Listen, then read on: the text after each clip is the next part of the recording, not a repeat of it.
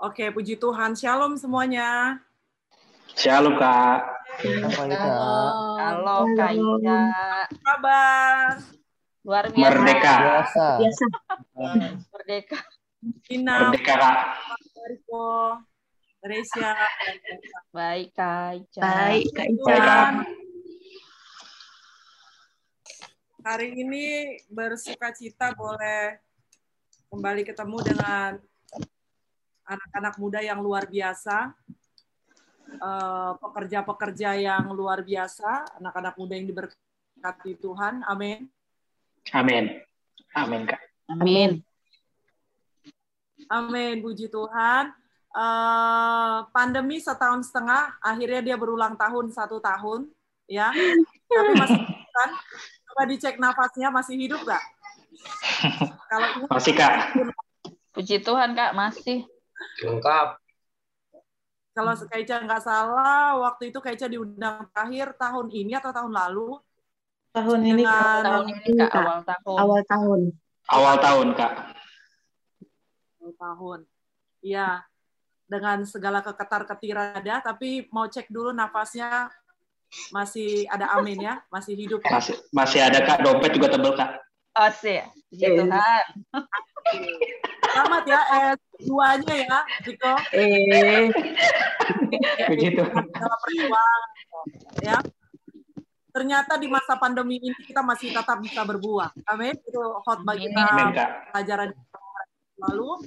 Ada yang di masa pandemi masih bisa wisuda, gila nggak keren nggak ya?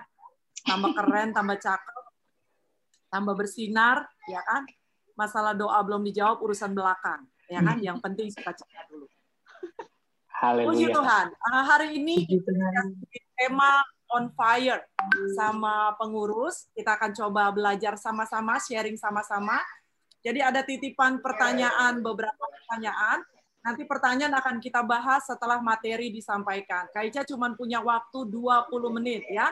Seingat gue, eh, persoalan doa ini sangat konsisten dengan 20 menitnya. Kalau di gedung mereka udah gini. Kalau di karena keseruan, tolong juga ya kalau chat nggak kebaca, siap gini-gini aja, bisa. Itu bagiannya Tere itu, Kak. Siap Kak aman, aman. Dia bilang kalau kakak nggak baca kumis call nanti siap laksanakan. Ya. Boleh dibuka Hmm. poinnya. Terima kasih tadi WL-nya Dovan, thank you ya. Lagu pertamanya Thank you, Kak. enak banget, kayaknya gue perlu belajar. Puji Tuhan, terima kasih. Boleh dibuka materinya, kita sama-sama belajar, dan sekali lagi kita tundukkan kepala, kita akan sharing firman Tuhan sore. Terima kasih Allah Rohul Kudus, kami mengucap syukur buat kasih Tuhan yang tidak pernah berakhir bagi kami, sehingga kami boleh kembali ada sebagaimana kami ada sore ini. Kalau kami kuat karena Tuhan, kami bertahan karena Tuhan, kami bisa bersuka cita di tengah semua pergumulan kami, semua karena Tuhan. Biarlah Roh Kudus menolong kami, sehingga kami tetap bertahan dalam semangat, dalam iman, dalam kasih, dalam perjuangan kami, dan tidak menjadi kendor. Dan setiap renungan, sharing yang kami dengar dan kami bahas sore ini, itu boleh membangkitkan iman kami dan kami praktekkan dalam kehidupan kami, sehingga kami semakin hari semakin menjadi anak-anak muda yang kuat di dalam Tuhan, yang mengerti kebenaran firman dan jadi pelaku firman, dan orang-orang yang dimerdekakan dan meroleh kemenangan karena Tuhan. Dalam nama Yesus, kami sambut firman Tuhan. Haleluya. Amin. Amin. Puji Tuhan.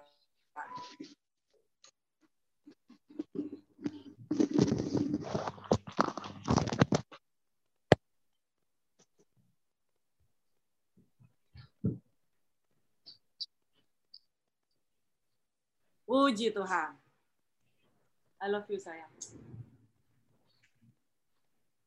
Eh sorry sorry, gue kira masih di silent. Maaf maaf ya, yang jomblo maaf maaf.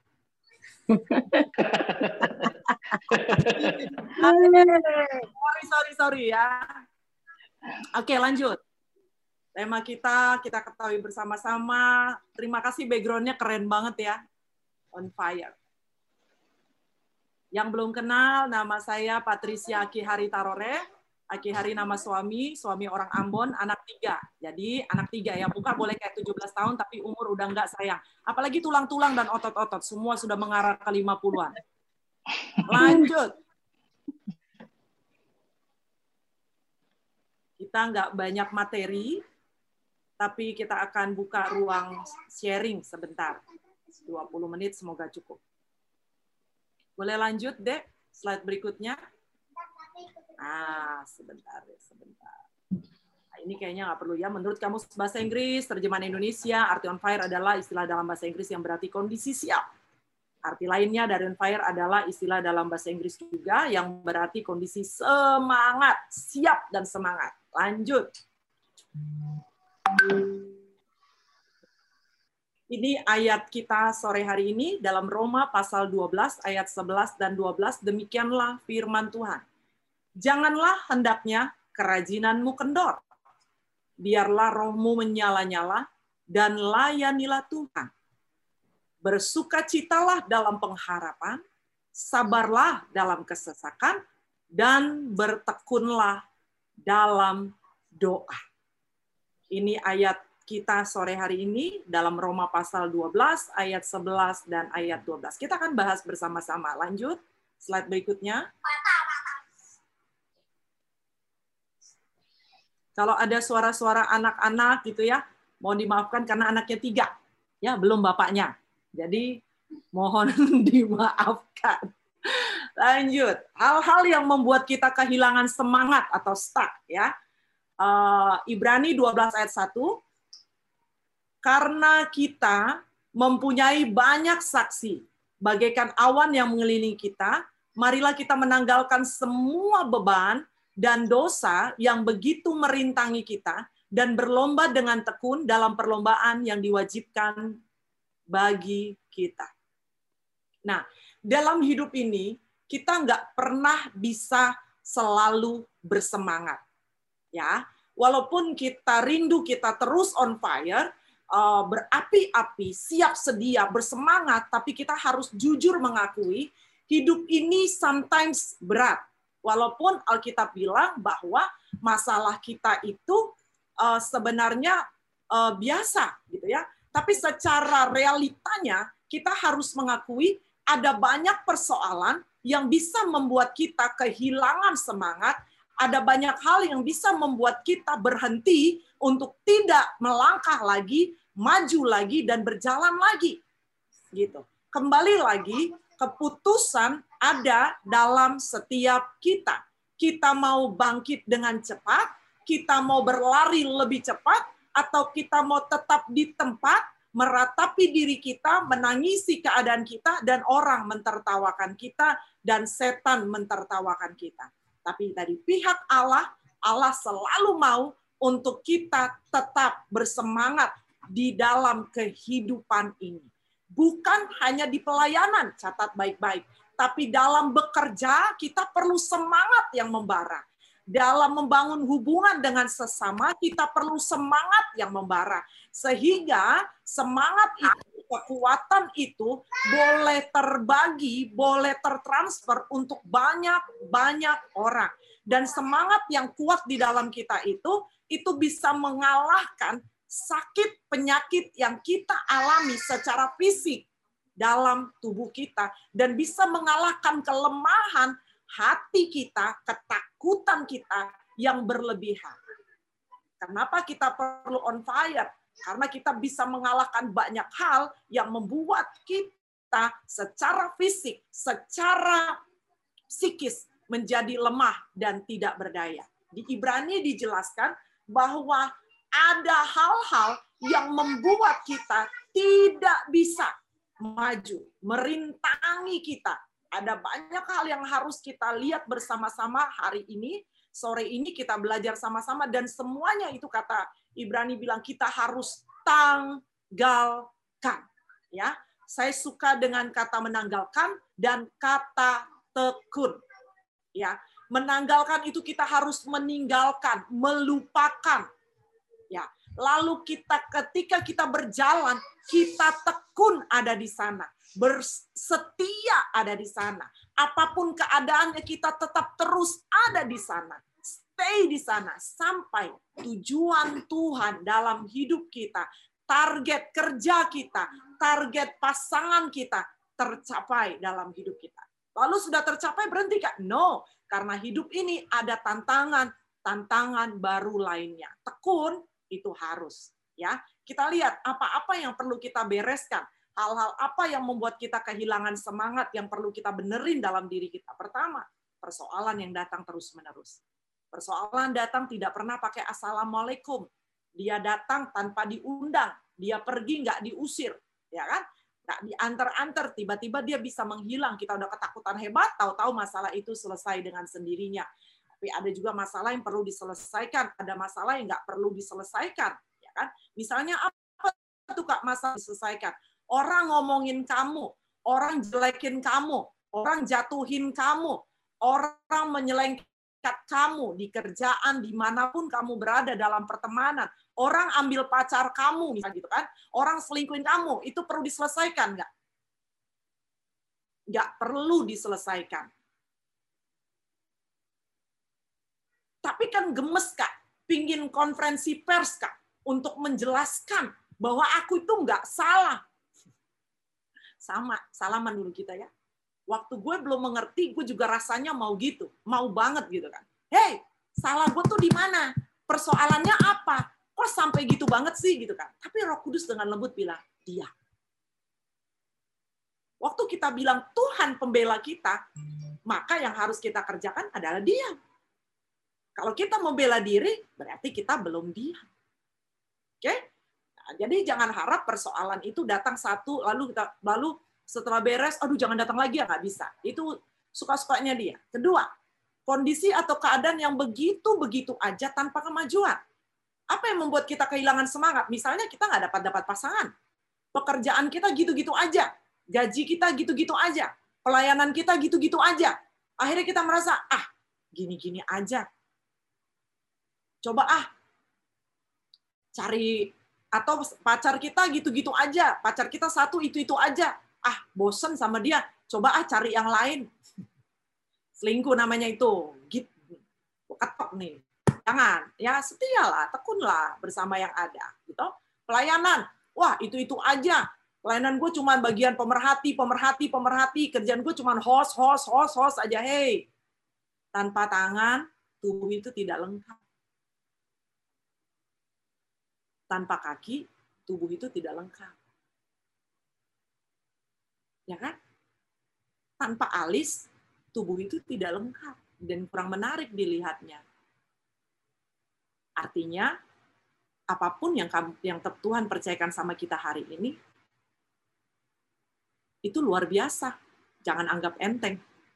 Setialah, ya, setialah pada perkara apa yang Tuhan sudah beri buat kamu. Dan kondisi yang begitu-begitu, ini juga tantangan yang kadang membuat kita kehilangan semangat. Jadi hati-hati dengan kondisi yang namanya zona nyaman, ya, apa pun itu. Doa yang belum terjawab. Nah ini, ah udah ah males gue.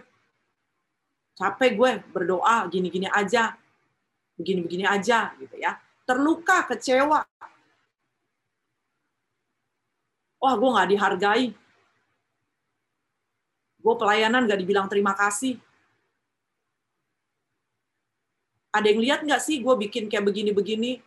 Kalian uh, punya Instagram tuh banyak hal yang ditampilkan keren-keren ya, video-videonya, uh, apa namanya uh, fitur-fiturnya gitu ya.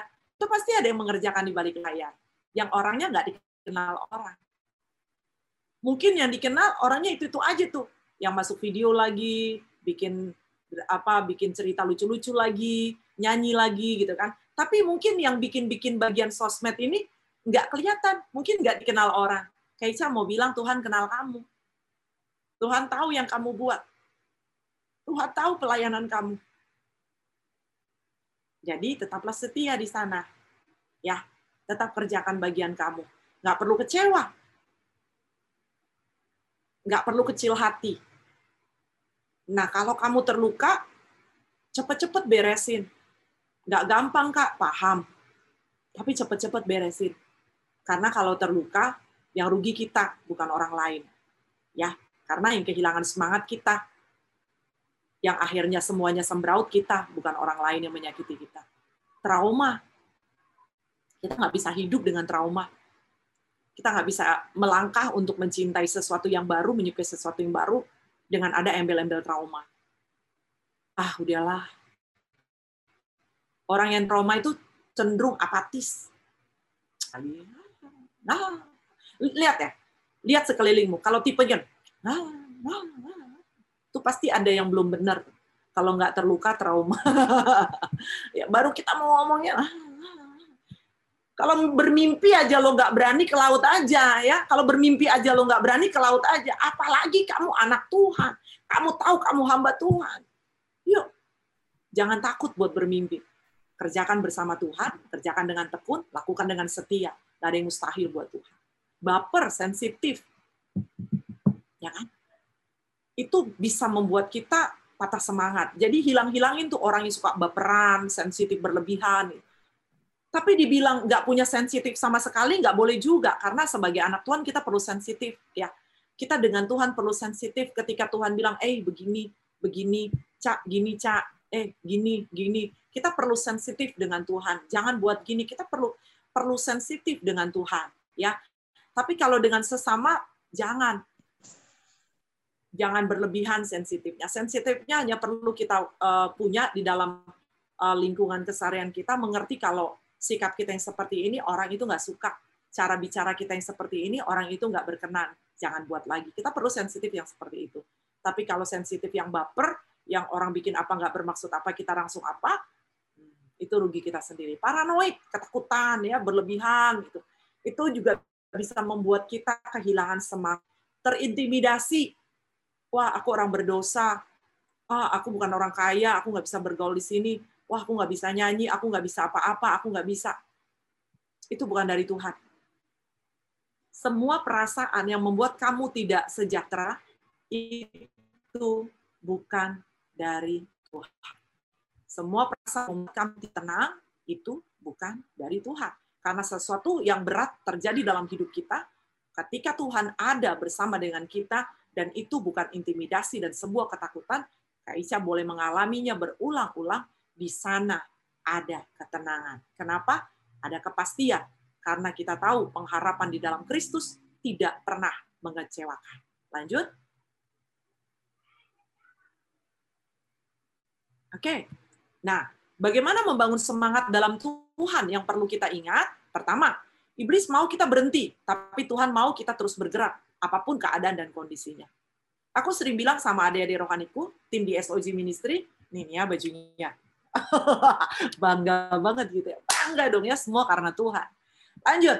Uh, aku bilang sama mereka, Kaisa sangat paham bahwa kondisi hari-hari ini tuh sangat-sangat berat. ya Sangat-sangat berat tetapi kita nggak boleh berhenti. Kita harus tetap melayani Tuhan. Kita harus tetap punya api dengan Tuhan. Kalau bahasanya Kak Ica, harus stabil. Kita nggak boleh mut-mutan melayani Tuhan. Maunya kita lagi lagi mood kita melayani semangat banget. Lagi nggak mood kita nggak melayani, ya kan? Lagi senang kita melayani banget. Oh sukacita setiap pertemuan kita datang. Tapi giliran satu sisi kita biasa-biasa aja. Ketika doa belum terjawab, oh di mana-mana, di mana mana-mana ada persekutuan doa, dia ada. Di mana di mana-mana ada pelayanan, dia ada. Karena lagi nganggur, nggak punya kerjaan, ya kan? Oh apinya luar biasa, jadi pendoa, jadi apa, jadi apa. Ketika diberkati Tuhan, hilang. Kadang-kadang berkat itu adalah strategi iblis untuk kamu berhenti melayani Tuhan. Bahagia kadang-kadang adalah strategi iblis untuk kamu stop melayani Tuhan. Pilah baik-baik. Apakah iblis yang salah? Kadang nggak juga ya. Keputusan kita yang salah. Mungkin juga karena itu, karena kita juga. Stabil. Apa pun keadaannya, tetap semangat buat Tuhan. Tetap on fire buat. Yang kedua, iblis senang memutarbalikan fakta. Ini mesti kita ingat ya, bagaimana membangun semangat yang pertama, iblis mau kita berhenti. Ingat itu aja. Kalau kita berhenti, berarti kita sedang mengikuti maunya setan. Yang kedua, iblis senang memutarbalikkan fakta atau kebenaran. Gimana itu, Kak? Kalau kita lihat pada waktu Tuhan Yesus dicobai 40 hari, 40 hari, sebentar ya,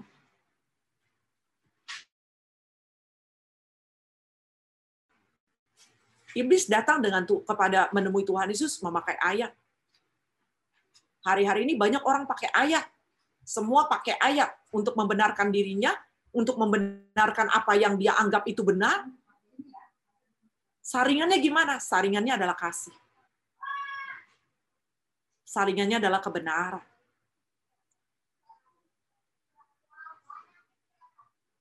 Kebenaran memutar balikan fakta atau kebenaran.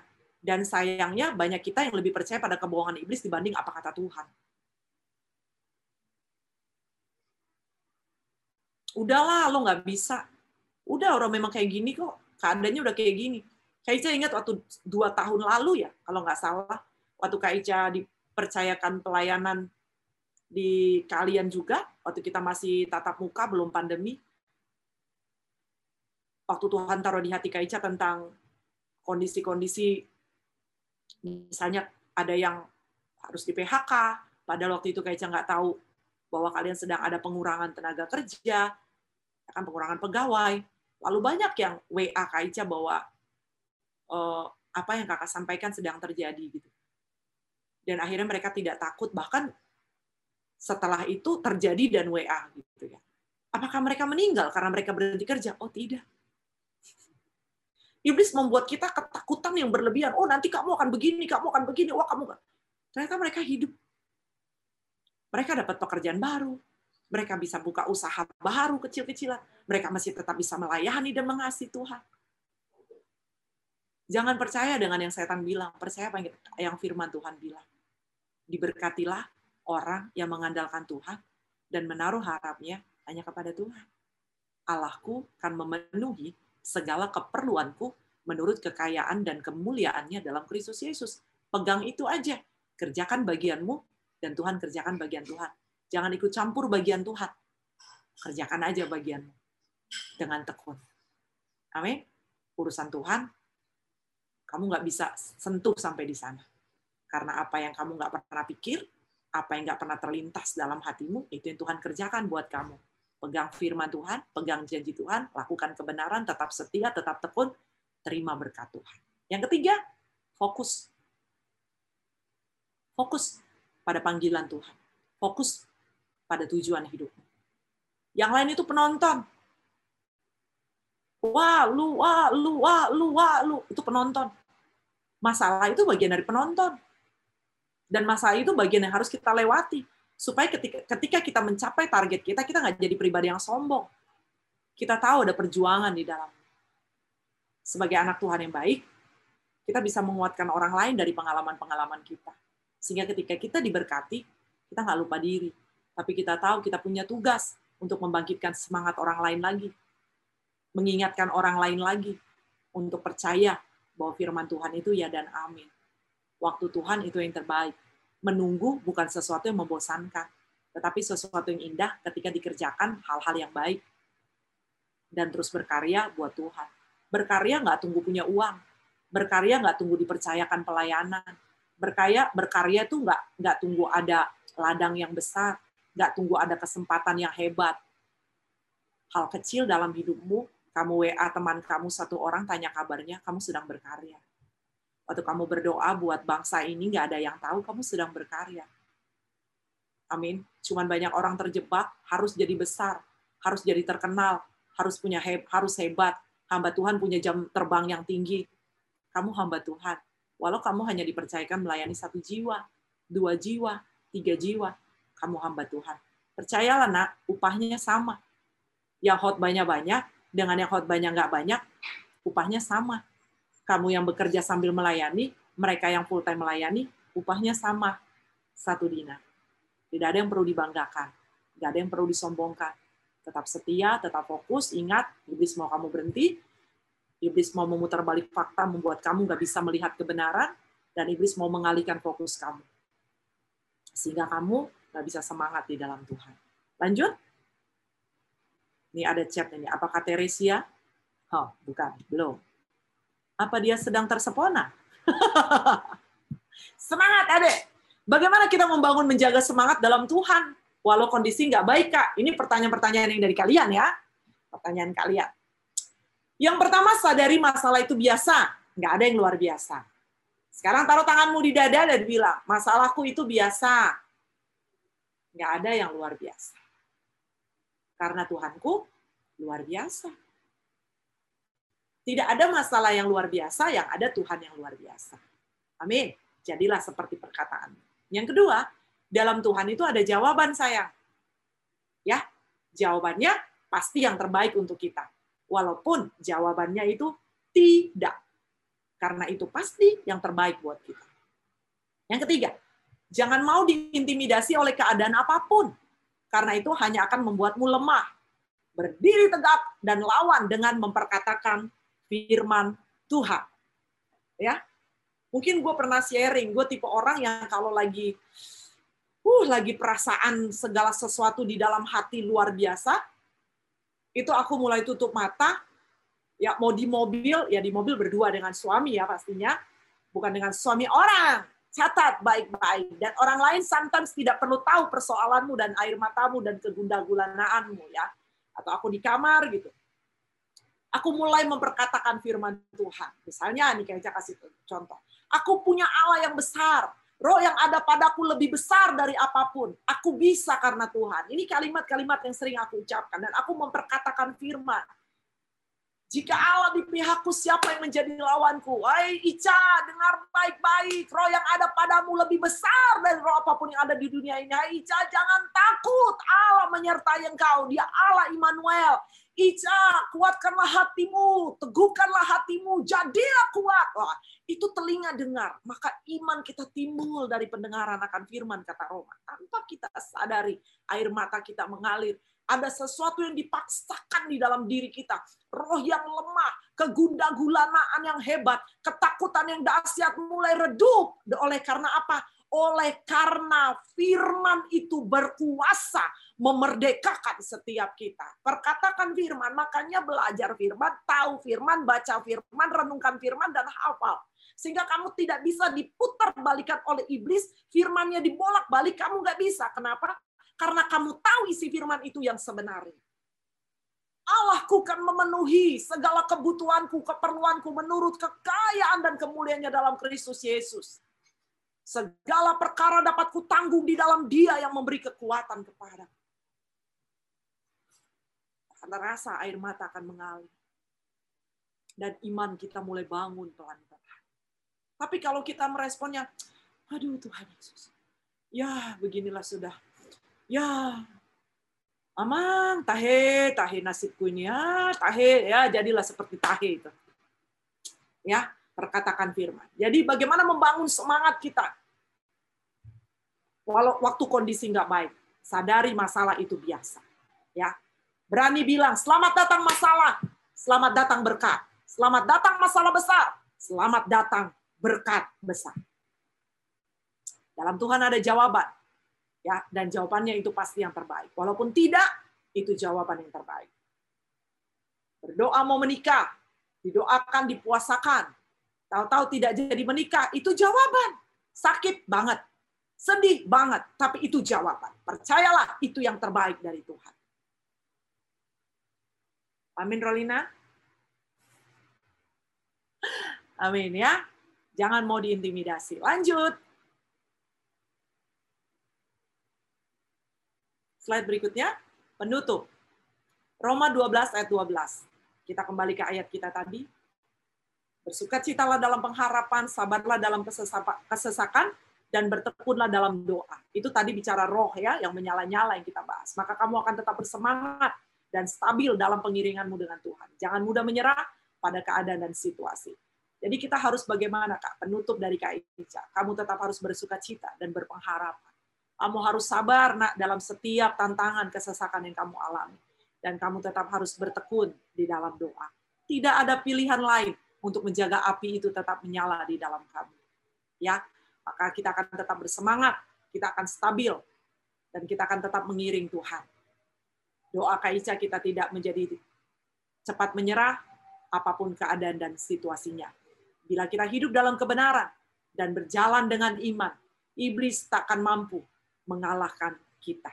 Satu ayat nanti siapa boleh baca Yakobus 4 ayat yang ketujuh. Bisa nggak kita Kak, melawan iblis? Bisa nggak kita bertahan? Bisa nggak kita tetap on fire di dalam Tuhan? Bisa. Kita baca bersama-sama Yakobus 4 ayat 7. Ada yang bisa baca? Boleh ditutup slide-nya?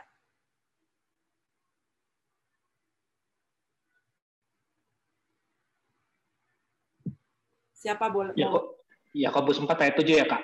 Ya. Karena itu, tunduklah kepada Allah dan lawanlah iblis, maka ia akan lari daripadamu. Yes. Tunduklah kepada Allah. Tidak ada pilihan lain ya adik-adikku. Tidak ada pilihan lain. Kalau kamu mau hidup berkemenangan, kalau mau kamu mau hidup yang dimerdekakan, sesungguhnya dimerdekakan, kamu harus tunduk kepada Allah. Tidak ada pilihan lain, tidak ada kompromi lain, tidak ada challenge lain. Harus tunduk kepada Allah.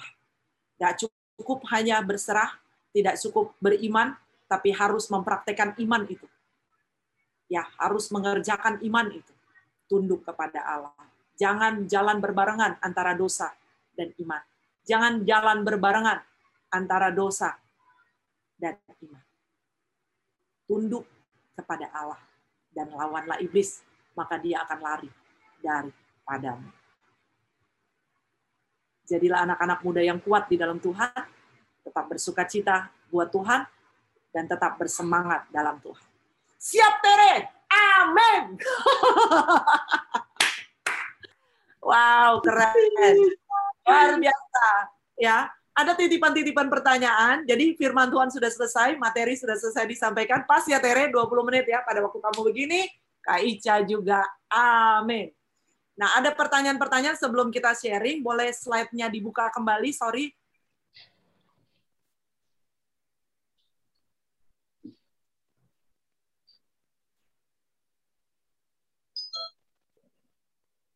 Boleh turun ke bawah. Ini ada ada pertanyaan dari dari dari tim ya, dari pekerja, dari PDKT ASM.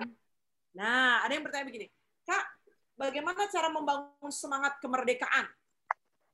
Jawaban Kak Ica yang pertama jadi anak muda yang militan di dalam Tuhan, ya, dan berbangsa. Jadi militan itu bukan hanya dalam Tuhan. Ternyata hari-hari ini kita juga perlu militan dalam berbangsa dan bernegara. Karena ternyata sekarang kita sudah digoncang ideologi kita, kita udah digoncang kebangsaan kita. Maka kita perlu menjadi anak-anak muda yang militan ya di dalam Tuhan sehingga kita akan militan di dalam berbangsa dan negara. Kok sehingga Kak bahasanya? Oh ya, karena Alkitab jelas bilang kita harus tunduk pada pemerintahan yang ada dan berdoa buat pemerintahan yang ada. Karena pemerintahan itu pilihan Tuhan. Ya, jangan mudah terprovokasi. Kedua, jadi anak muda yang pintar, terbuka dengan berbagai informasi dan bisa memilah mana yang membangun dan mana bukan provokator ya, mana provokasi. Ya, informasi itu perlu benar-benar dipilah. Itu makanya kita perlu jadi anak muda yang pintar, anak muda yang terbuka. Harus bisa menerima semua masukan dari kedua belah kubu, kedua belah uh, perbedaan, dan kamu bisa menyaringnya itu dengan firman Tuhan. Sesuai atau tidak sesuai. Ketiga, jadi anak muda yang tahu bersyukur dan jangan suka mengeluh. Mulai dari pribadimu dan pribadiku yang suka bersyukur. Karena kalau kita jadi anak muda yang nggak tahu bersyukur, yang suka mengeluh, apa pun yang terjadi, maka kita nggak akan bisa melihat hal-hal baik dari orang tersebut. Lanjut. Oke, Tere. Lanjut, ada pertanyaan berikutnya. Nah, ini. Banyak masyarakat saat ini menganggap belum merasakan kemerdekaan sesungguhnya. Lu kasih gue PR banget ya, gue malas bahas-bahas politik benarnya. Tapi nggak apa-apa, oke. Sesungguhnya dan menyalahkan pemerintah atas kondisi ini. Sebagai orang Kristen, bagaimana tetap memiliki semangat kemerdekaan dan mendukung pemerintah dalam mempertahankan kemerdekaan, terutama melewati masa-masa sulit saat pandemi sekarang ini. Kaica coba menjawab ya. Buat saya, sangat sulit kalau bermain di perasaan. Karena perasaan itu tidak selalu benar, ya. Karena ini dibilang banyak masyarakat saat ini menganggap belum merasakan, ya, belum merasakan perasaannya belum merasakan atau dia ber, berpendapat belum merasakan. Kalau kita menilai segala sesuatu dengan perasaan itu sulit, ya, karena perasaan sering kali apa yang kita rasa, apa yang kita tanggapin da- dari perasaan itu, dari apa yang kita lihat itu nggak sesuai dengan kita nggak bisa lihat realita dan usaha yang dikerjakan pemerintah. Ya, jadi kadangkala kita perlu menaklukkan perasaan dan pikiran kita dulu untuk kita bisa berpikir secara realistis. Kita harus ada di posisi tengah yang tidak terpengaruh oleh, berita apa pun, sehingga kita boleh menghargai dan melihat hal baik yang orang lain kerjakan. Contohnya gini, contohnya gini. Kalau kita udah benci si A, segala hal baik yang dilakukan si A, pasti kita bilang, ah itu mah cuman eh, apa doang, cuman kamuflase, ah itu mah cuman, cuma nggak bisa kita lihat hal baik. Sama seperti pemerintah yang sedang mengerjakan bagian pemerintah sekarang. Dia mereka pemerintah berusaha dengan vaksinasi, pemerintah berusaha dengan memberikan bantuan eh, apa pun bentuknya. Tapi buat orang-orang yang memang hatinya penuh kebencian, buat orang-orang yang memang hatinya penuh kebusukan, maka nggak akan pernah melihat hal baik yang dilakukan pemerintah. Ya, padahal sebenarnya di tengah kekurangan pemerintah yang banyak itu banyak juga hal baik yang sudah dikerjakan oleh pemerintah. Maka jawaban Kak sulit bermain di perasaan karena perasaan selalu benar. Lihat realita dan usaha yang dikerjakan pemerintah. Apakah pemerintah serius menangani pandemi ini atau tidak? Itu kembali kepada kita. Jika ya, dukung dengan apa yang menjadi program pemerintah. Ya, kalau kita merasa pemerintah serius dan apa yang dilakukan pemerintah itu baik, eh, maka kita bisa sharing ke orang lain tentang hal-hal tersebut. Oh, oke, oke.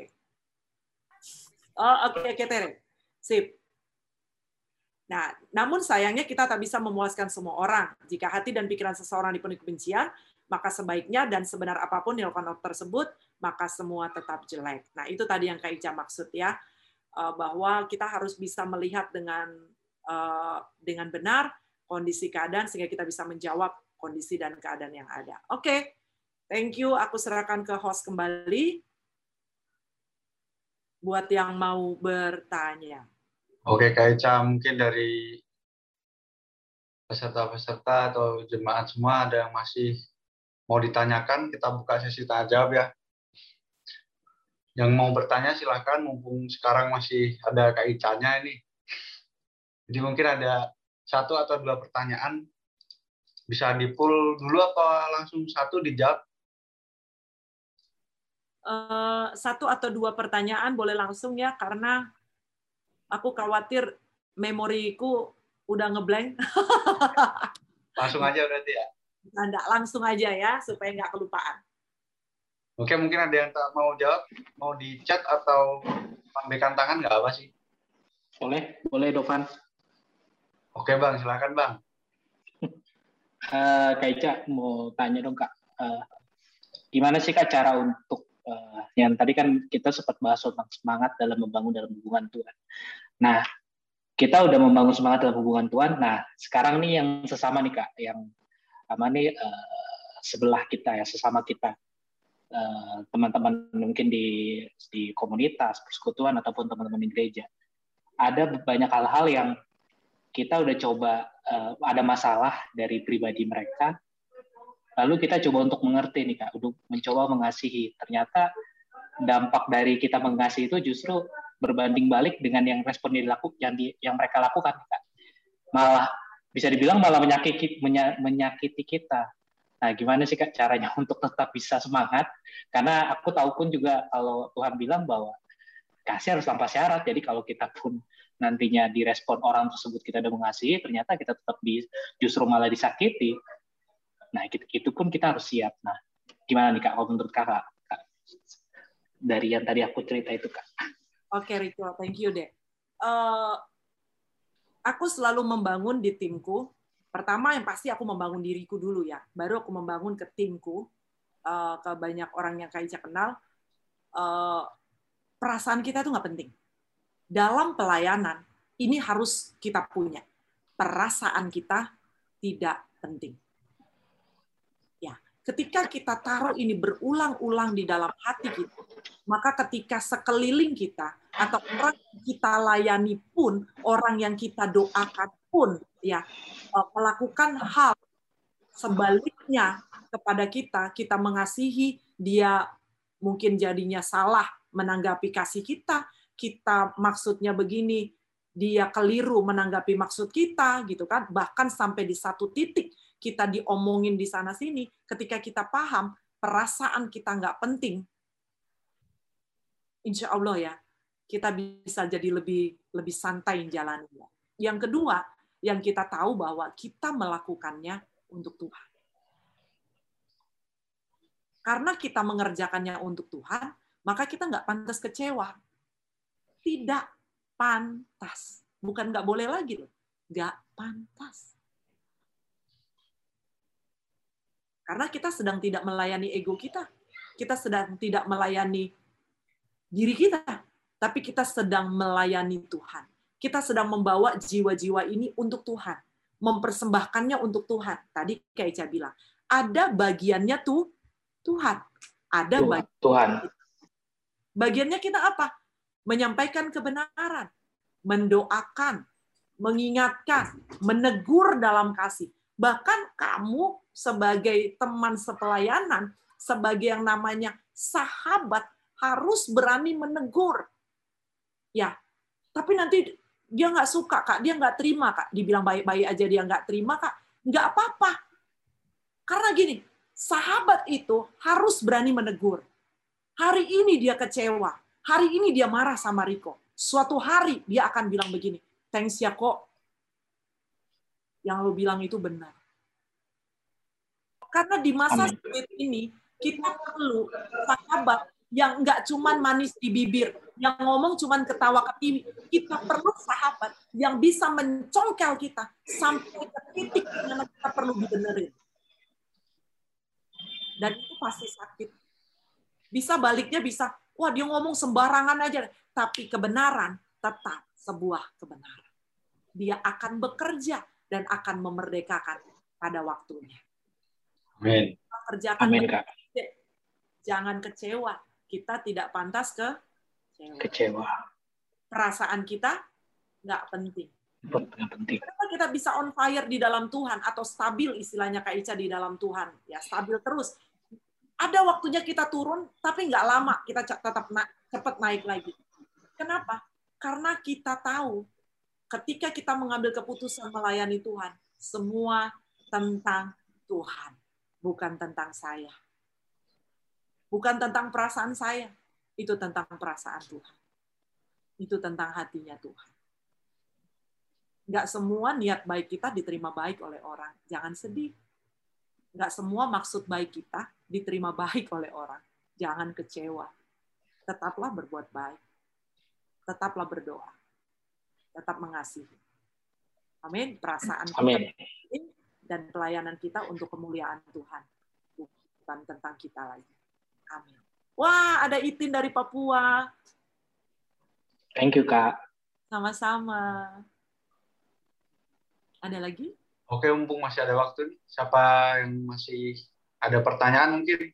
Kalau bisa sih, kalau bisa di luar dari pengurus nggak apa-apa, lebih bagus ya. Padahal baru aku mau tanya.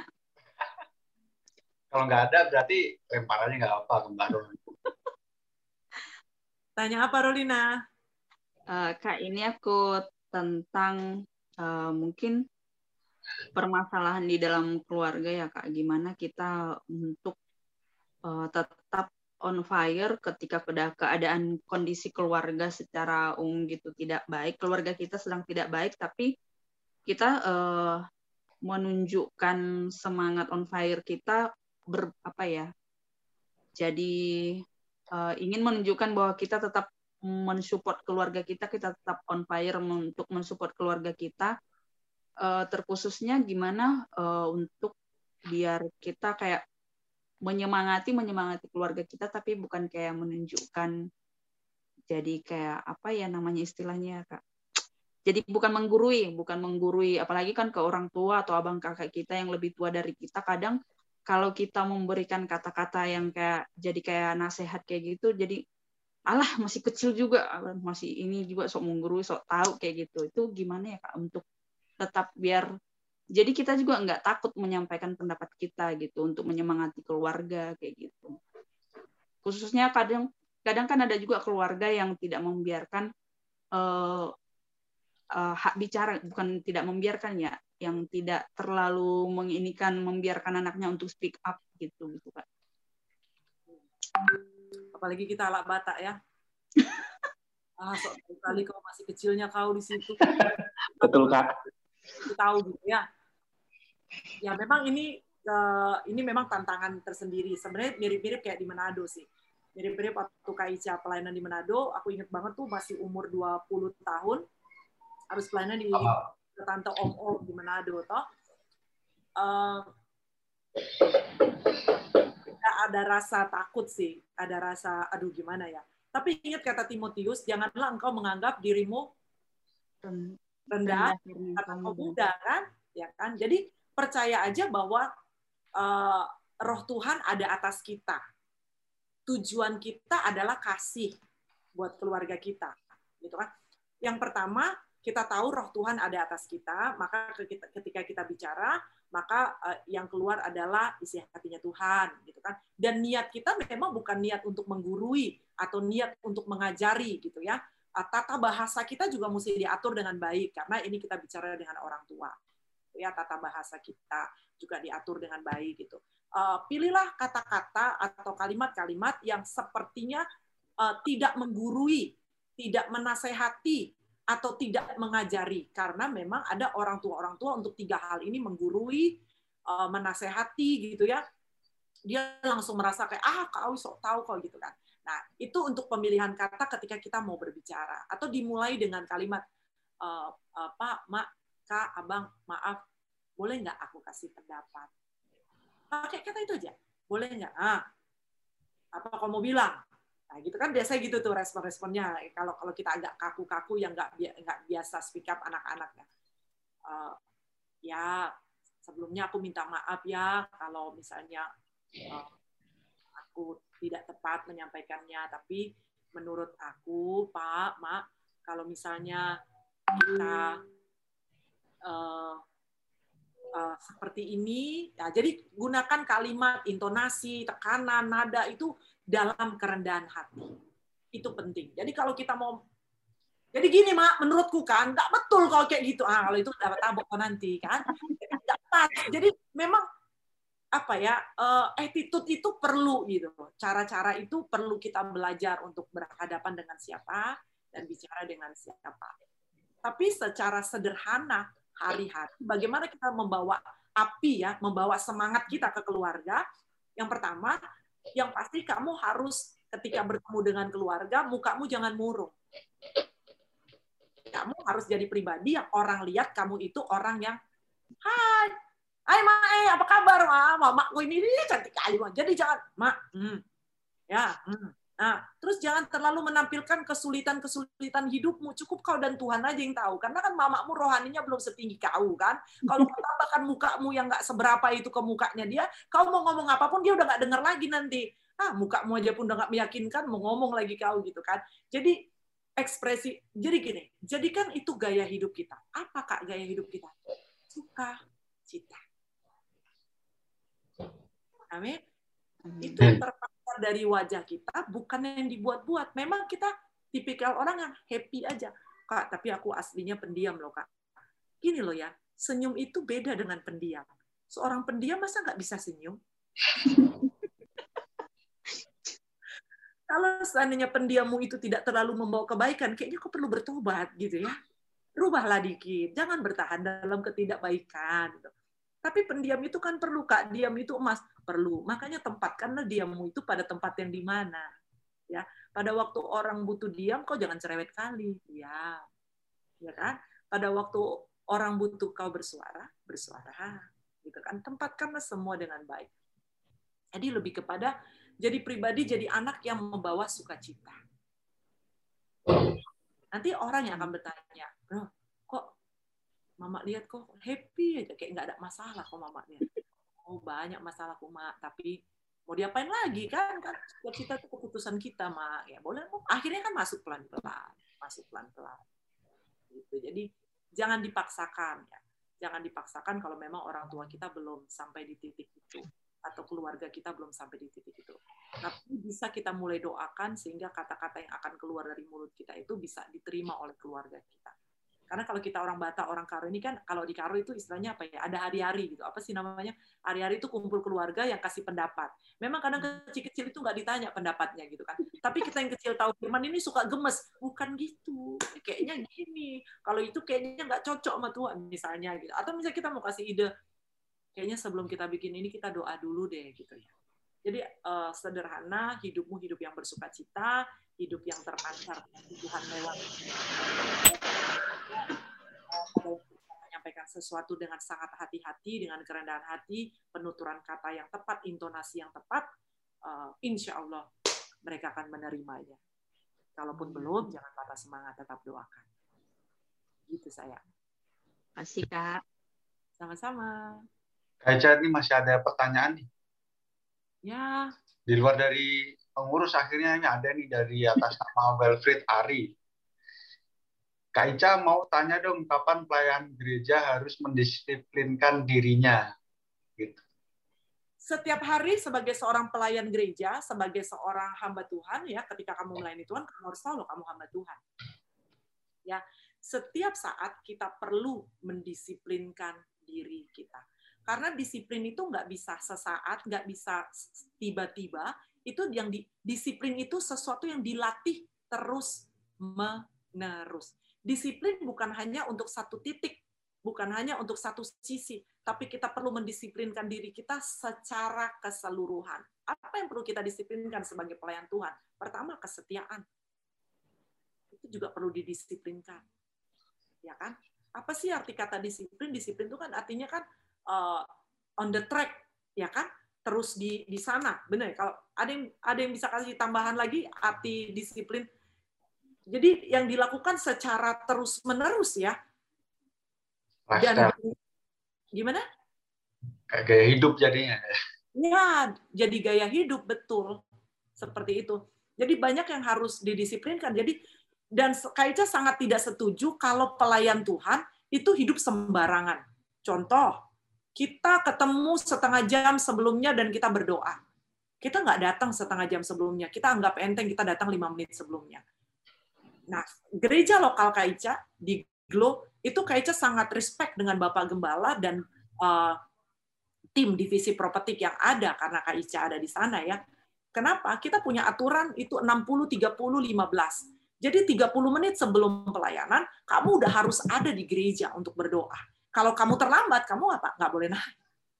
Awalnya itu terjadi banyak pertentangan. Wah ini gue udah terlambat nih. Padahal gue udah datang jauh-jauh. Nggak boleh. Dan dalam sebuah pelayanan, disiplin itu sangat perlu. Dan waktu waktu gereja KICA, gereja lokal KICA menerapkan itu, KICA juga jadi belajar untuk disiplin. Dengar khotbah-khotbah Bapak Gembala bahwa oh iya kita nggak bisa sembarangan apalagi untuk Tuhan ya kan bekerja aja buat manusia kita beri yang terbaik masa buat Tuhan kita nggak beri yang terbaik gitu Wilfried Ari oke okay. thank you Ade oke mungkin sesi tanya jawab ini udah selesai kak. Terima kasih atas temanya tadi pembawaan temanya. Tanya jawabnya juga sudah dijawab dengan jelas. Ini sekarang mau ada games dari dari pengurus PDKT ini dibantu nanti sama Bang Riko. Oke, thank you Dovan ya, untuk sebagai, sebagai pemimpin pujian dan teman-teman semuanya yang ada di Zoom. Kita tadi sudah semangat mendengarkan khotbah dari Kaica dan dengan semangat juga di bulan kemerdekaan ini masih semangat kemerdekaan ya. Dari pengurus akan memberikan games. Nah, gamesnya yang pasti masih tentang dengan kerohanian dan menariknya adalah tetap mendapatkan hadiah. Hadiahnya apa? Nanti di DM ya. Yang pasti dijawab dulu. Jadi teman-teman di sini yang menjadi di luar pengurus boleh siap-siap untuk mengetik jawabannya yang ada di kolom chat. Pertanyaan pertama, uh, so, oh sorry, maksudnya soal pertama adalah tebak dari ayat. Nanti saya akan membacakan uh, ayat, uh, bukan maksudnya uh, bilangnya apa ya? Nomor ayat ya, ayatnya, terus nomornya, dan sebutkan kata keberapa, uh, kata keberapa yang nanti saya sebutkan lalu diketik. Nah, diketiknya itu nggak jangan langsung ketik, harus mengetik dulu password yang saya baca setiap soal yang saya bacakan. Nah, ini kayaknya belum pada ngerti nih ya. Kalau belum pada ngerti, kita akan coba uh, contoh soalnya, oke? Okay? Jadi yang ada di eh, uh, 34 orang yang ada di Zoom ini, kecuali pengurus, boleh siap-siap untuk uh, menebak uh, soal yang nanti saya bacakan ya. Ini adalah tebak kata dari susunan kata-kata ayat. Nanti saya akan bacakan ayatnya apa. Dan sebelum nanti mengetik, ketik dulu password yang saya akan nanti sebutkan ya. Oke. Pertanyaan yang pertama. Benar, yang passwordnya benar itu yang bisa menjawab duluan ya. Yang benar dan ya, paling betul. Ya, jadi siapa cepat eh, siapa cepat dia yang dapat. Nanti kalau ketika memang satu orang itu sudah benar, tidak bisa ikut pertanyaan yang kedua dan ketiga. Tiga soal saja mudah dan pastinya hadiahnya sangat menarik karena bukan benda. Ya. Oke, okay. bukan benda berarti apa ya? Nah, ya hubungan sama. Oke, oke. Sebentar, sebentar, sebentar, sebentar, sebentar. Oke, okay, sudah siap semuanya? Siap kok, gas. Oke, okay, siap ya. Oke. Okay.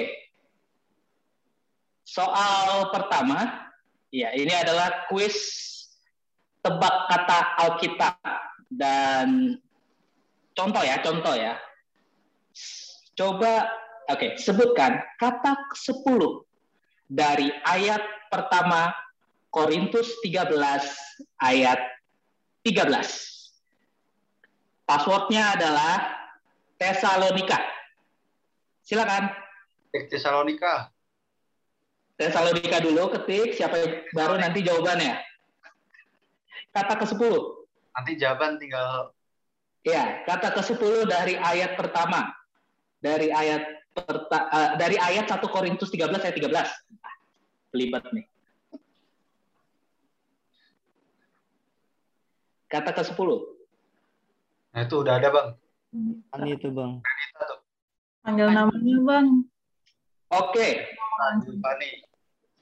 Oke, dari Fani. Fani jawabannya Tesalonikanya sudah benar. Kasih kita lihat jawabannya. Benar, benar. Oh iya, benar ya. lihat dulu contekan. Ini baru contoh ya, Bang? Baru contoh ya. Oke, jadi semangat oh, ya, Pak. ya. Semangat ya, Pak. Ya? Belum, belum. Nah, ini bocoran buat yang lain kalau bisa jawabannya jangan diketik dulu biar nanti dipanggil bawahnya nanti siapa tahu yeah. Oh gitu. Oke. Oke ya. Masih contoh nggak apa-apa. Masih contoh. Jadi biar biar semangatnya berkobar-kobar nih kan seperti kemerdekaan kita yang berkobar-kobar. Oke, ingat ya ketik passwordnya dulu baru jawabannya. Kalau passwordnya nggak disebutin dan salah itu gugur. Oke, kita mulai pertanyaan pertama dari tebak kata. Tebak. Dimulai ya kok. Dimulai. Tiga, dua, satu. Kata ke-16 dari ayat Efesus 6 ayat 12. Passwordnya katulistiwa. Kata ke-16 dari ayat Efesus 6 ayat 12. Go, silakan teman-teman. Oke. Aris tuh Aris. Aris. Aris Aris. Oke, Aris dan jawabannya benar teman-teman? Oke, uh, Aris silakan. Aris silakan ketik jawabannya. Jadi. Oke, boleh dijawab juga pakai pakai ini, pakai suara. Dijawab aja. Dijawab Riz, Riz, boleh Riz. Udah dijawab Dara. Darah. Nomor 16. Kata ke-16. Jual juri, jual juri. Lanjut Kak Sofia, Sofia tuh. Oh, salah, salah, salah. Sofia, kalau dari Sofia? Uh, izin menjawab, melawan. Ya. Lawan. Melawan. Iya, melawan. Benar ya berarti ya. Oke. Ya, boleh lah, boleh. Terima kasih. Oke. Oke, tepuk tangan dulu buat Sophia ya. Sophia Simbanjunta. Sip. Oke. Kabarnya Mas Aris masih ada kesempatan Mas. Oke. Kabar Aris. Siap-siap. Oke. Nanti kalau sudah benar passwordnya langsung jawab pakai suara boleh ya. Langsung di admin. Oke. Pertanyaan kedua. Masih tetap dengan tebak kata.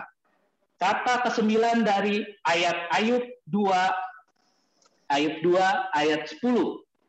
Passwordnya adalah Indonesia. Silakan. Kata ke-9 dari ayat Ayub dari Ayub 2 ayat Ayub 2 ayat 10. Ah, Eh, gimana gimana? Ka- Kata ke sembilan. kata ke-9 dari Ayub 2 ayat 10. No, kata ke sembilan, kata ke sembilan. Aris lagi tuh. Semangat sekali Aris. Masih mencoba. Terus sudah? Ya, Udah langsung. ya? Arif, Yuk. Riz, langsung keluarkan suaramu, Riz. Pesona suaramu. Gila. Wih, lu Wow, Aris. Ngegas Aris malah? Tapi kata apa agak lima. agak, agak ini ya, mungkin mewakilkan kita harus positif. Mau ini ya, apa semangat 45 ya. Oke, berarti benar. Selamat buat Aris. Oke, dan pertanyaan ketiga. Nah, pertanyaan ketiga ini cukup mudah. Cuman tebak tokoh Alkitab. Oke. Tapi sebelum itu kita kasih contoh dulu. Oke. Nanti saya akan bacakan seperti eh, peng- apa sharing atau kejadian pada di Alkitab dan teman-teman boleh sebutkan tokoh Alkitabnya siapa yang mewakili dari cerita yang nanti saya akan bacakan. Contoh ya, contoh. Dan peraturannya tetap sama, bacakan apa nanti ketik dulu passwordnya baru sebut jawabannya di unmute silakan. Contoh aja lah. Pertanyaan ketiga, ini pertanyaan tra- eh, terakhir ya, tapi contoh dulu contoh. Ia adalah keturunan Daud yang berhasil mengadopsi sifat dari ayahnya. Siapakah dia? Passwordnya adalah AC. Silakan. Passwordnya AC. Jawabannya adalah ia adalah keturunan Daud yang berhasil mengadopsi sifat dari ayahnya. Siapakah dia? Dari, dari jawab. Oke. Sofia tuh. Oh, dari Sofia nggak bisa jawab lagi. Kan contoh. Wilfried Arif. Kan contoh. Contoh boleh contoh. Ah, Oh, ya. apa? Oke, silakan Sofia. Keluarkan suara Kak. yang indah. Oke. Ya, silakan. Romo. Terima kasih. Oke, terima kasih Sofia. God bless. Oke, teman-teman, seperti itu ya contohnya ya. Jadi Ya. ini pertanyaan ketiga, pertanyaan terakhir. Jadi harus siap-siap langsung ketik passwordnya dan langsung keluarkan suaranya. Oke, Kasih- siap-siap ya. Pertanyaan ketiga adalah, aku adalah orang yang dijual oleh saudara-saudaraku. Aku difitnah oleh seorang wanita. Aku bisa menga- mengartikan mimpi raja. Siapakah nama saudaraku yang terakhir? Jawabannya passwordnya, password passwordnya adalah masker. Silakan. Ayo ketik password dulu. Cinta tuh. Cinta udah ketik. Oke. yang terakhir ya. Ingat ya, gue tagline di garis gue garis bawahi. Siapakah nama saudaraku terakhir? Eh, siapa nih berarti nih? Sinta ya, Sinta ya. Cinta Oke. Sinta. Sinta boleh sebut jawabannya? Sinta, where are you? Cinta. Yusuf katanya. Ya, harus ngomong. Bukan. Salah, salah, salah, salah. Oke, salah. Lanjut Snowy. Itu ada berarti. berikutnya itu. Ingat ya, apakah nama Snowy, Snowy. Snowy, pertanyaannya Snowy. adalah Snowy. pertanyaannya adalah siapa nama saudaraku yang terakhir? Nah, Snowy. Snowy, Snowy. siapa nih? Oi. Oh, Snowy. Silakan Snowy. Jawabannya apa? Benjamin. Benjamin. Oke, benar. Thank you, Snowy. Luar biasa. Dan ternyata pertanyaan ketiga ini cukup mengecoh dari teman-teman ya menjebak yang ada di uh, Zoom ini. Jadi uh, terima kasih buat teman-teman yang udah menjawab dan memang ada yang belum bisa kedapatan. Nanti bisa kita coba lagi tahun depan. Lama banget tahun depan. Ya udahlah nanti ya next lah ya next game ya. Oke, belum dari game kita untuk pada sore hari ini kembali ke Dovan. Oke bang, makasih. Oke para jemaat semua, ini kami dari pengurus mau ada pengumuman. Mungkin dari pengumuman ini ada beberapa program dan apa ya pengenalan pengenalan dari website juga nanti akan dibawakan di video. Silakan pengurus.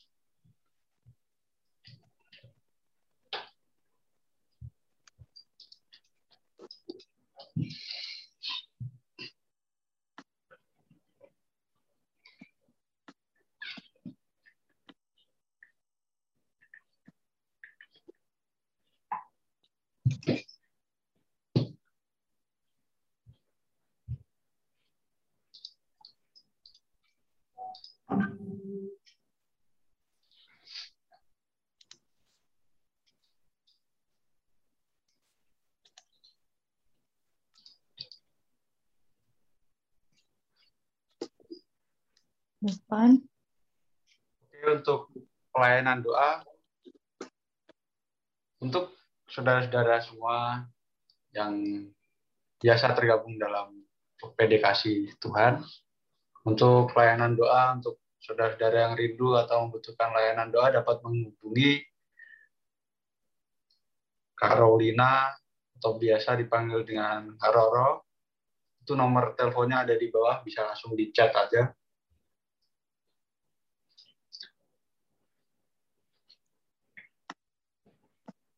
bagi saudara-saudara semua yang ingin melakukan persembahan untuk persekutuan doa kasih Tuhan asuransi Sinarmas dapat mentransfer ke rekening yang tertera di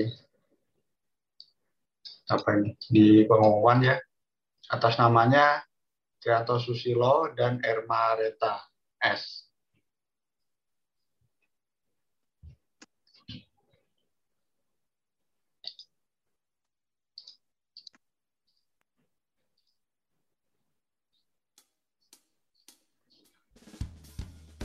Shalom, kami dari Persekutuan Doa Kasih Tuhan PT Asuransi Sinar Mas memberitahukan kabar yang sangat luar biasa kepada saudara-saudari semua bahwa Persekutuan Doa Kasih Tuhan PT Asuransi Sinar Mas telah memiliki website yang berisikan informasi tentang kegiatan, pengumuman, dan media-media yang dapat diakses secara online di website PDKTSM.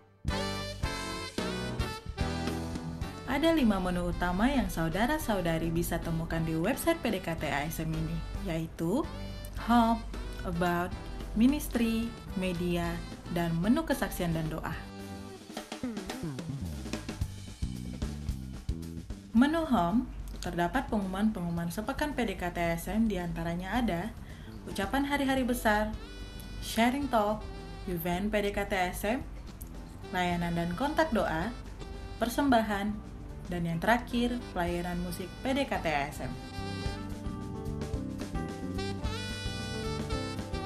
Selanjutnya, ada menu about yang di dalamnya saudara-saudari dapat melihat profil, visi misi, pembina dan kepengurusan yang masih aktif, serta adanya kolom kritik dan saran jika saudara-saudari ingin memberikan kritik dan saran kepada PDKT ASM.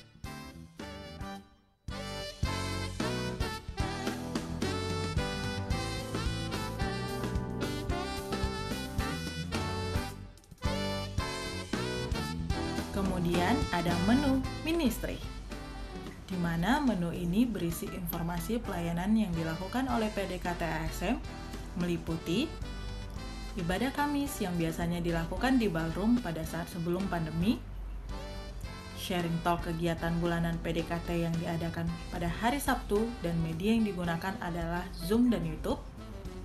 Kemudian ada pasca, retreat, bakti sosial, paduan suara Glorify dan Natal PDKT ASM.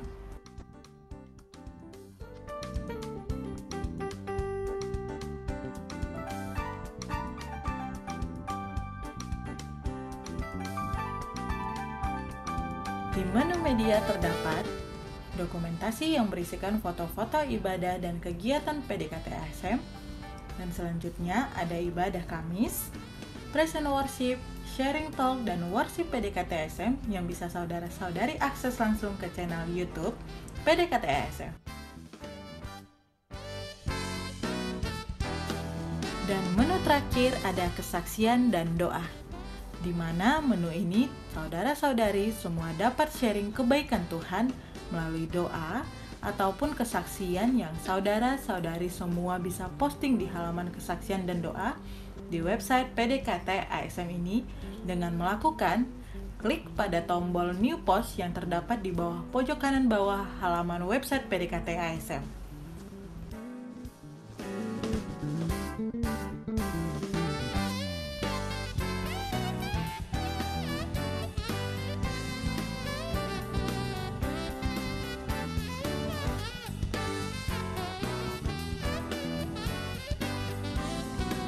Dan yang terpenting, saudara-saudari semua dapat mengakses website PDKT ASM dan menikmati semua fasilitas yang ada di sana dengan mengunjungi www.pdktsm.com.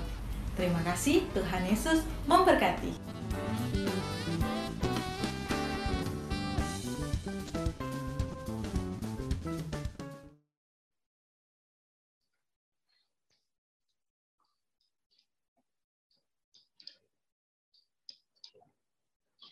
Oke, begitulah rangkaian dari acara sharing talk dengan tema on fire ini. Terima kasih buat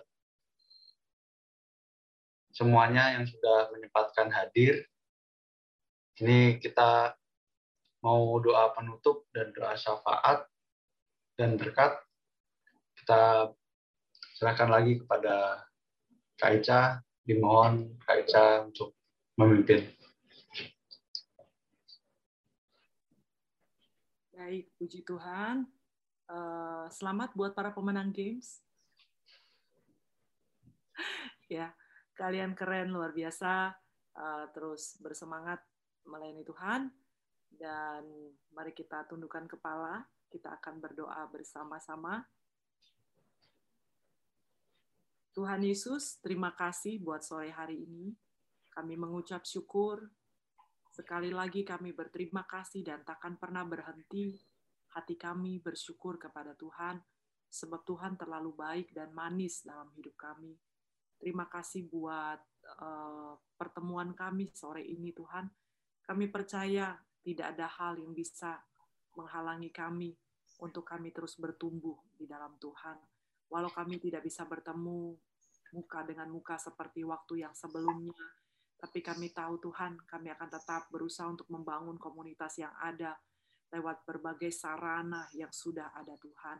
Terima kasih buat PDKT ASM Tuhan, aku mengucap syukur. Aku berterima kasih. Terima kasih buat anak-anak muda yang setia. Terima kasih buat para pengurus. Terima kasih buat hati Tuhan yang Tuhan titip di hati mereka, sehingga mereka boleh tetap melayani Tuhan sampai hari ini. Terima kasih buat para pembina, para mentor yang ada Tuhan, bahkan perusahaan asuransi Sinarmas yang menaungi dengan leluasa anak-anakmu untuk tetap dekat dengan Tuhan dan menjadi pendoa bagi perusahaan di mana mereka berada. Sore hari ini Tuhan Yesus, biarlah firman Tuhan yang kami dengar itu boleh membangkitkan semangat kami lagi sehingga kami tetap berapi-api di dalam Tuhan kami stabil dalam pengiringan kami kepada Tuhan dan pelayanan kami kepada Tuhan. Kami juga uh, tetap berapi-api dan stabil dalam uh, bekerja kami, bahkan lebih baik lagi. Kami tidak mudah jenuh, kami tidak mudah putus asa, kami tidak mudah mengeluh, kami tidak mudah berkata-kata sia-sia, tapi kami tetap uh, percaya bahwa Tuhan itu selalu ada dan manis dalam hidup kami, menopang kami, menuntun kami, memberkati kami, dan menolong pelayanan kami, keluarga kami, dan pekerjaan kami. Berkatilah kami, Tuhan, sore hari ini semua kami yang sudah hadir dan mendengar firman Tuhan, menaikkan pujian Tuhan Yesus, bahkan sampai uh, saat ini Tuhan. Terima kasih kami bersyukur, terus kami mengucap syukur kepada Tuhan. Terpujilah nama Tuhan dan kami mau berdoa buat bangsa dan negara kami Indonesia. Bapak, kami mau mengucapkan berkat buat bangsa kami. Terlalu banyak kata-kata kutuk untuk bangsa kami, untuk pemimpin bangsa kami. Dan saat ini kami dari komunitas yang sederhana ini Tuhan, kami mau memberkati bangsa kami di dalam nama Tuhan Yesus. Diberkatilah Indonesia, diberkatilah pulau-pulaunya, diberkatilah suku-suku bangsanya, diberkatilah para petani, diberkati para nelayan, diberkati para wirausaha, diberkati para pekerja Tuhan. Oh diberkati semua orang atas bangsa ini Tuhan Yesus.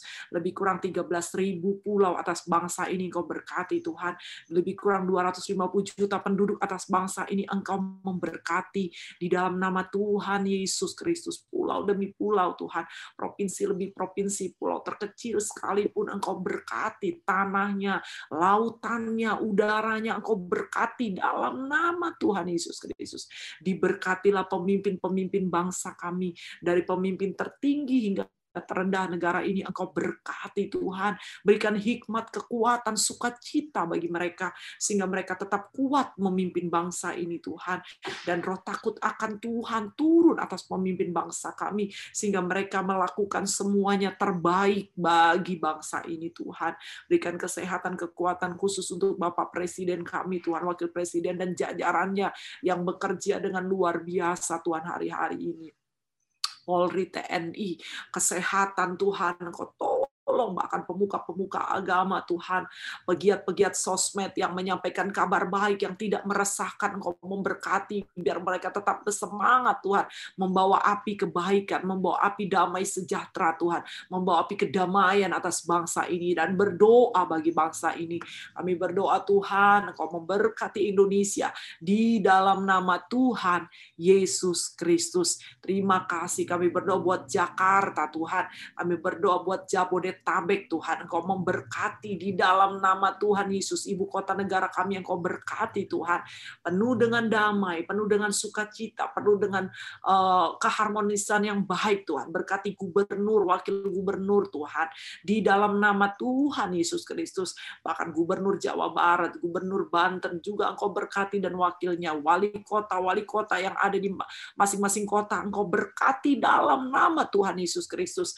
Biarlah Tuhan kota Jakarta dan sekeliling kota Jakarta Tuhan boleh diberkati oleh Tuhan, penuh dengan damai sejahtera Tuhan, diberkati pemimpinnya, diberkati penduduknya, usaha-usaha yang berlangsung di dalamnya Engkau berkati dalam nama Tuhan Yesus.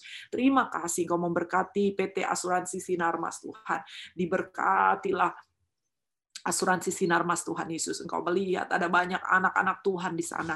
Ada banyak orang yang berdiri sebagai pendoa bagi perusahaan ini. Aku percaya Tuhan. Mungkin Tuhan tahun-tahun, dua tahun ini jauh dari harapan yang ada. Tapi kalau mereka boleh berdiri hari ini semua karena Tuhan. Kau memberkati para pemilik Tuhan, owner Tuhan. Kau berkati komisaris direksi. Kau berkati manajer Tuhan. Manajer-manajer network yang ada. Kau berkati Tuhan. Bahkan semua pekerja sampai tingkat bawah. Engkau berkati, berikan semangat sukacita dalam nama Yesus. Pakai setiap anak-anak Tuhan yang ada di sana untuk membawa sukacita, membawa kabar baik, membawa pengharapan di tengah tidak ada pengharapan, membawa uh, harapan di tengah tidak ada kepastian Tuhan. Karena kami punya Tuhan Yesus yang dahsyat. Terima kasih Tuhan omset perusahaan kau berkati dalam nama Tuhan segala tantangan, uh, persoalan yang ada, Engkau hadir di sana, menolong, menyelesaikannya dalam namamu Tuhan Yesus Kristus. Terima kasih Bapak, Engkau berkamba berdoa buat setiap anak-anak Tuhan yang berulang tahun di bulan di bulan Agustus ini Tuhan. Engkau memberkati mereka di dalam nama Tuhan Yesus Kristus. Biarlah kasih Tuhan melingkupi hidup mereka, berkat Tuhan melingkupi hidup mereka. Masa depan yang gilang gemilang menjadi milik mereka di dalam nama Tuhan Yesus. Setiap ketakutan, kekhawatiran aku cabut dalam nama Yesus. Masa depan yang dari Tuhan menjadi milik anak-anakmu yang berulang tahun di bulan ini. Secara khusus doa kami mengiring mereka Tuhan. Terima kasih Bapak persekutuan doa uh, sinar mas ini juga aku berdoa Tuhan, aku berkati dalam nama Tuhan Yesus Kristus. Biarlah persekutuan doa ini terus menjadi berkat Tuhan. Bukan hanya untuk sinar mas, tapi untuk banyak orang Tuhan melalui sosmed yang mereka punya, melalui website yang ada Tuhan, hidup dari para pengurus diberkati dan memberkati banyak orang. Di dalam nama Yesus memberkati konten-konten yang ada dalam nama Tuhan Yesus, kesaksian-kesaksian yang ada, pelayanan-pelayanan yang ada. Tuhan berkati dalam nama Tuhan Yesus Kristus. Dalam nama Tuhan Yesus Kristus. Terima kasih. Terima kasih buat kebaikan Tuhan. Terima kasih kasih buat anugerah Tuhan. Semua hamba-hambamu yang setia ini Tuhan, Engkau berkati, Engkau pakai dahsyat dalam tanganmu. Terpujilah nama Tuhan. Dan akhirnya Bapak, aku berdoa buat setiap anak-anak Tuhan. Sekali lagi yang hadir dalam persekutuan doa ini, Engkau memberkati pribadi lepas pribadi, keluarga lepas keluarga Tuhan, pekerjaan lepas pekerjaan Engkau berkati Tuhan, usaha-usaha Engkau berkati Tuhan. Oh kalau ada yang sakit Engkau sembuhkan, yang lemah Engkau kuatkan, yang susah Engkau hiburkan. Bapak pemulihan orang tua dan anak, pemulihan kakak dan adik, pemulihan persahabatan, oh pemulihan hubungan kekasih Tuhan. Engkau memberkati damai Tuhan turun di tengah tengah-tengah keluarga lepas keluarga, hubungan demi hubungan di dalam nama Tuhan Yesus Kristus. Bahkan yang membutuhkan pasangan hidup, Engkau berkati Tuhan, Engkau berikan pasangan hidup yang terbaik dari Tuhan. Di dalam nama Tuhan Yesus Kristus, dalam nama Yesus aku berdoa, segala roh keputusasaan, segala roh ketakutan, segala roh rendah diri, ketidakberdayaan, ketidakmampuan menghadapi menghadapi hari esok. Khawatiran berlebihan. Malam hari ini, sore ini, kami bersepakat dengan otoritas Allah. Aku cabut, kami cabut itu dari hati, pikiran setiap anak-anakmu. Aku buang ke jurang maut. Roh yang ada padamu lebih besar dari roh apa pun yang ada di muka bumi ini. Hai dengar, jangan takut. Jangan khawatir, percaya saja dia Allah Immanuel, Allah yang menyertai engkau, Allah yang tidak pernah meninggalkan engkau, Allah yang mengerti tetesan air matamu, Allah yang menampung air matamu dalam kirbatnya, yang mengubah ratapmu menjadi tari-tarian, yang mengubah duka citamu menjadi sukacita, yang membukakan kain kabungmu menggantikan dengan kegirangan dan sukacita. Sore hari ini setiap telinga mendengar dalam nama Yesus. Jadilah kuat di dalam nama Tuhan Yesus Kristus. Jadilah kuat dalam nama Tuhan Yesus Kristus. Tetaplah bersuka cita. Tetaplah berpengharapan. Sebab pengharapanmu di dalam Kristus Yesus Tuhan tidak pernah sia-sia. Jangan gentar hatimu, jangan takut hatimu, jangan gelisah hatimu. Percayalah kepada Tuhan, serahkan hidupmu kepada Tuhan dan percayalah, maka Dia yang akan bertindak atas kehidupanmu. Di dalam nama Tuhan Yesus Kristus, segala pikiran-pikiran yang berlebihan, segala pikiran-pikiran yang berlebihan akan masa depan, yang membuat engkau takut, yang membuat engkau khawatir, yang membuat engkau punya banyak pertanyaan. Sore hari ini dengar baik, takluk Tundukkanlah pikiranmu kepada pikiran Kristus. Di dalam nama Tuhan Yesus Kristus. Engkau tidak bisa menjangkau pikiran Allah. Dan engkau tidak paham tentang apa yang ada di pikirannya Tuhan. Satu hal yang harus engkau tahu. Rancangan Tuhan itu terbaik dalam hidupmu. Waktu Tuhan itu terbaik dalam hidupmu. Jadilah tenang. Kuasailah dirimu dan jadilah tenang. Supaya engkau bisa berdoa. Dan engkau bisa mendengar suara Tuhan dengan baik di dalam nama Tuhan Yesus. Uh, segala roh kepahitan, aku cabut dalam nama Yesus. Segala roh kekecewaan, aku cabut dalam nama Yesus. Aku buang ke jurang maut. Engkau tidak pantas menyimpan luka. Dengar baik-baik, hatimu bukan tong sampah. Hatimu bukan tong sampah. Segala yang busuk, buang dalam nama Yesus. Tubuhmu adalah bait Allah bukan tong sampah. Tempat engkau menyimpan kekecewaan, tempat engkau menyimpan sakit hati, tempat engkau menyimpan luka, tempat engkau menyimpan trauma. Buang dalam nama Yesus. Dalam nama Yesus. Buang dalam nama Yesus. Tubuhmu baik Allah. Hatimu bukan tong sampah. Jadilah tahir dalam nama Yesus. Luka-luka batin dalam nama Yesus. Jadilah tahir. Jadilah tahir Jadilah tahir dalam nama Yesus Kristus Tuhan. Engkau layak merdeka. Engkau layak merdeka. Engkau layak merdeka. Engkau layak merdeka. Terbebas dari dosa-dosa yang mengikat. terbebas dari kepahitan kepahitan yang menggerogoti hidup. Yesus menebusmu dengan darah yang mahal. Dan Yesus memampukan engkau untuk mengerjakannya. Terima kasih Tuhan. Terima kasih Bapak dan akhirnya kami bersyukur buat sore hari ini. Kami berterima kasih buat pertemuan sore hari ini. Pulihkan setiap hati. Pulihkan setiap jiwa. Pulihkan setiap roh. Bukan persekutuan yang rutinitas. Bukan kehadiran karena ketidaksengajaan. Tapi karena Tuhan sedang mau berbicara bagi pribadi lepas pribadi sore hari ini. Yang telinga hendaklah engkau mendengar. Yang bertelinga hendaklah engkau mendengar dan melakukan firman Tuhan. Mari angkat kedua belah tanganmu dan terima berkat Tuhan. Tuhan memberkati engkau dan melindungi engkau. Tuhan menyinari engkau dengan wajahnya dan memberi engkau kasih karunia. Tuhan menghadapkan wajahnya kepada dan memberikan engkau damai sejahtera. Berkati keluargamu, diberkatilah pekerjaanmu, diberkatilah rumah tanggamu, diberkatilah hari depanmu.